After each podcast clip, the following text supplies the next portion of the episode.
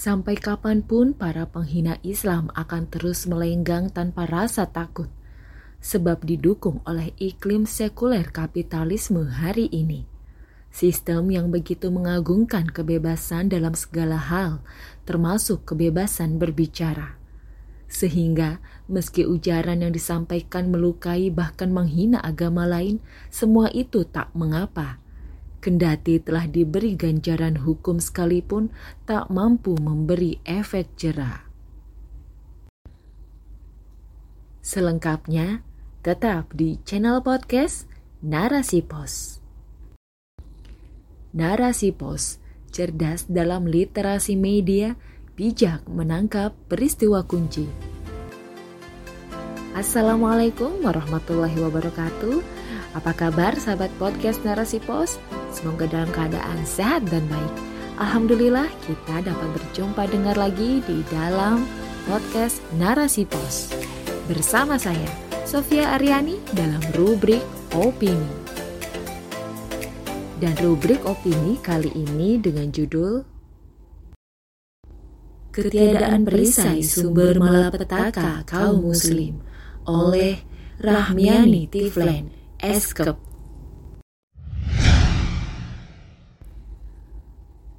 Entah sampai kapan umat Islam bertahan di atas keterpurukan ini. Umat yang dahulu begitu dimuliakan oleh Allah Subhanahu wa taala kini tak ubahnya seperti hidangan lezat yang tengah diperebutkan oleh para serigala lapar. Dan yang paling menyakitkan hati, hinaan itu pun kerap ditujukan kepada kekasihnya junjungan kita baginda Nabi Muhammad Sallallahu Alaihi Wasallam. Penghinaan terhadap Nabi kembali berulang.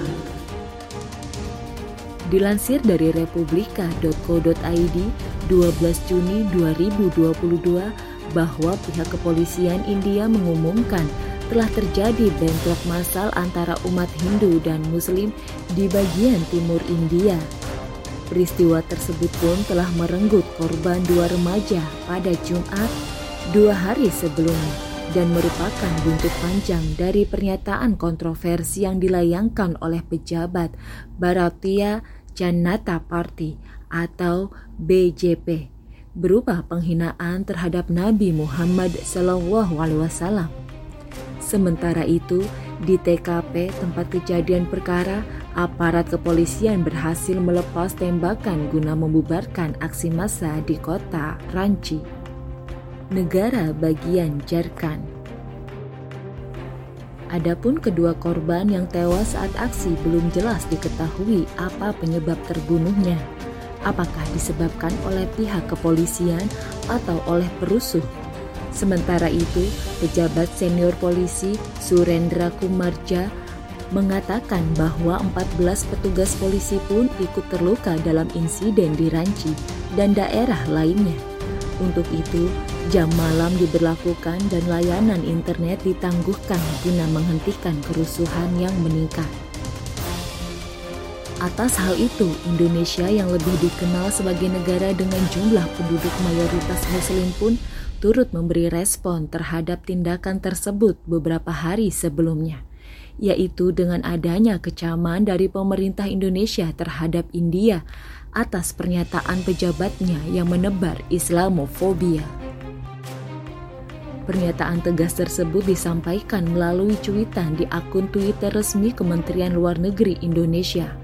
Tak cukup sampai di situ, sejumlah negara muslim di antaranya Arab Saudi, Kuwait, Bahrain, dan Qatar pun turut melakukan aksi boykot terhadap produk-produk India.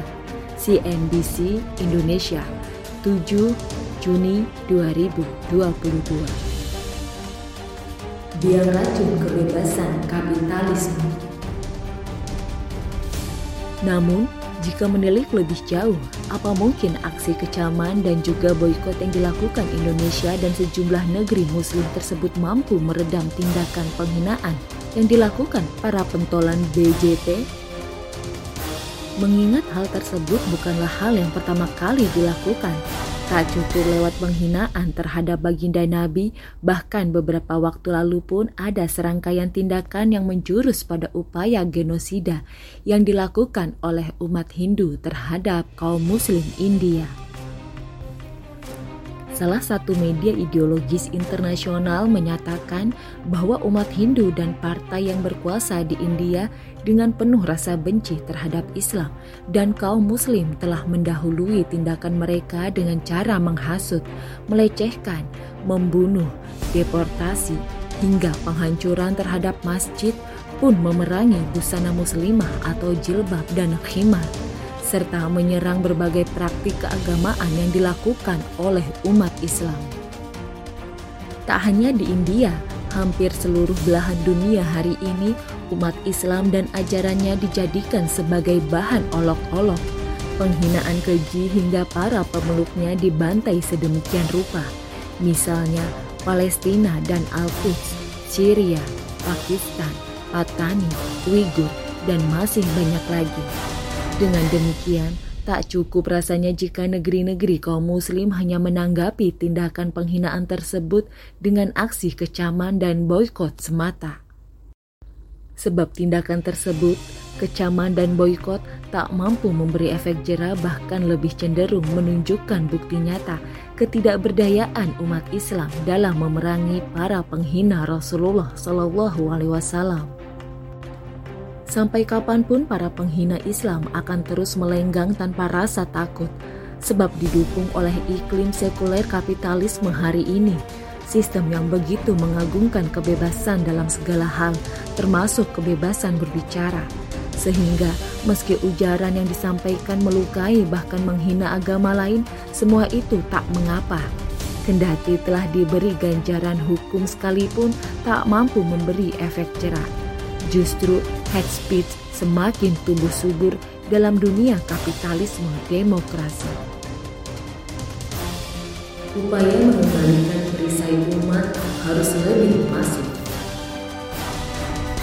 Kerusakan yang tampak di hadapan umat hari ini kiranya membuka mata hati kita bahwa sampai kapan pun musuh-musuh Islam akan senantiasa menjadikan kaum muslim sebagai pesakitan Tak cukupkah penghinaan demi penghinaan terhadap junjungan kita Rasulullah Shallallahu Alaihi Wasallam? Sampai kapan lagi umat Islam harus bertahan dalam keterpurukan ini? Kiranya hanya dengan mengembalikan perisai umat yaitu khilafah Islamiyah, maka segala bentuk penghinaan terhadap Rasulullah Shallallahu Alaihi Wasallam, termasuk perlakuan keji pada diri kaum Muslim, dapat dihentikan.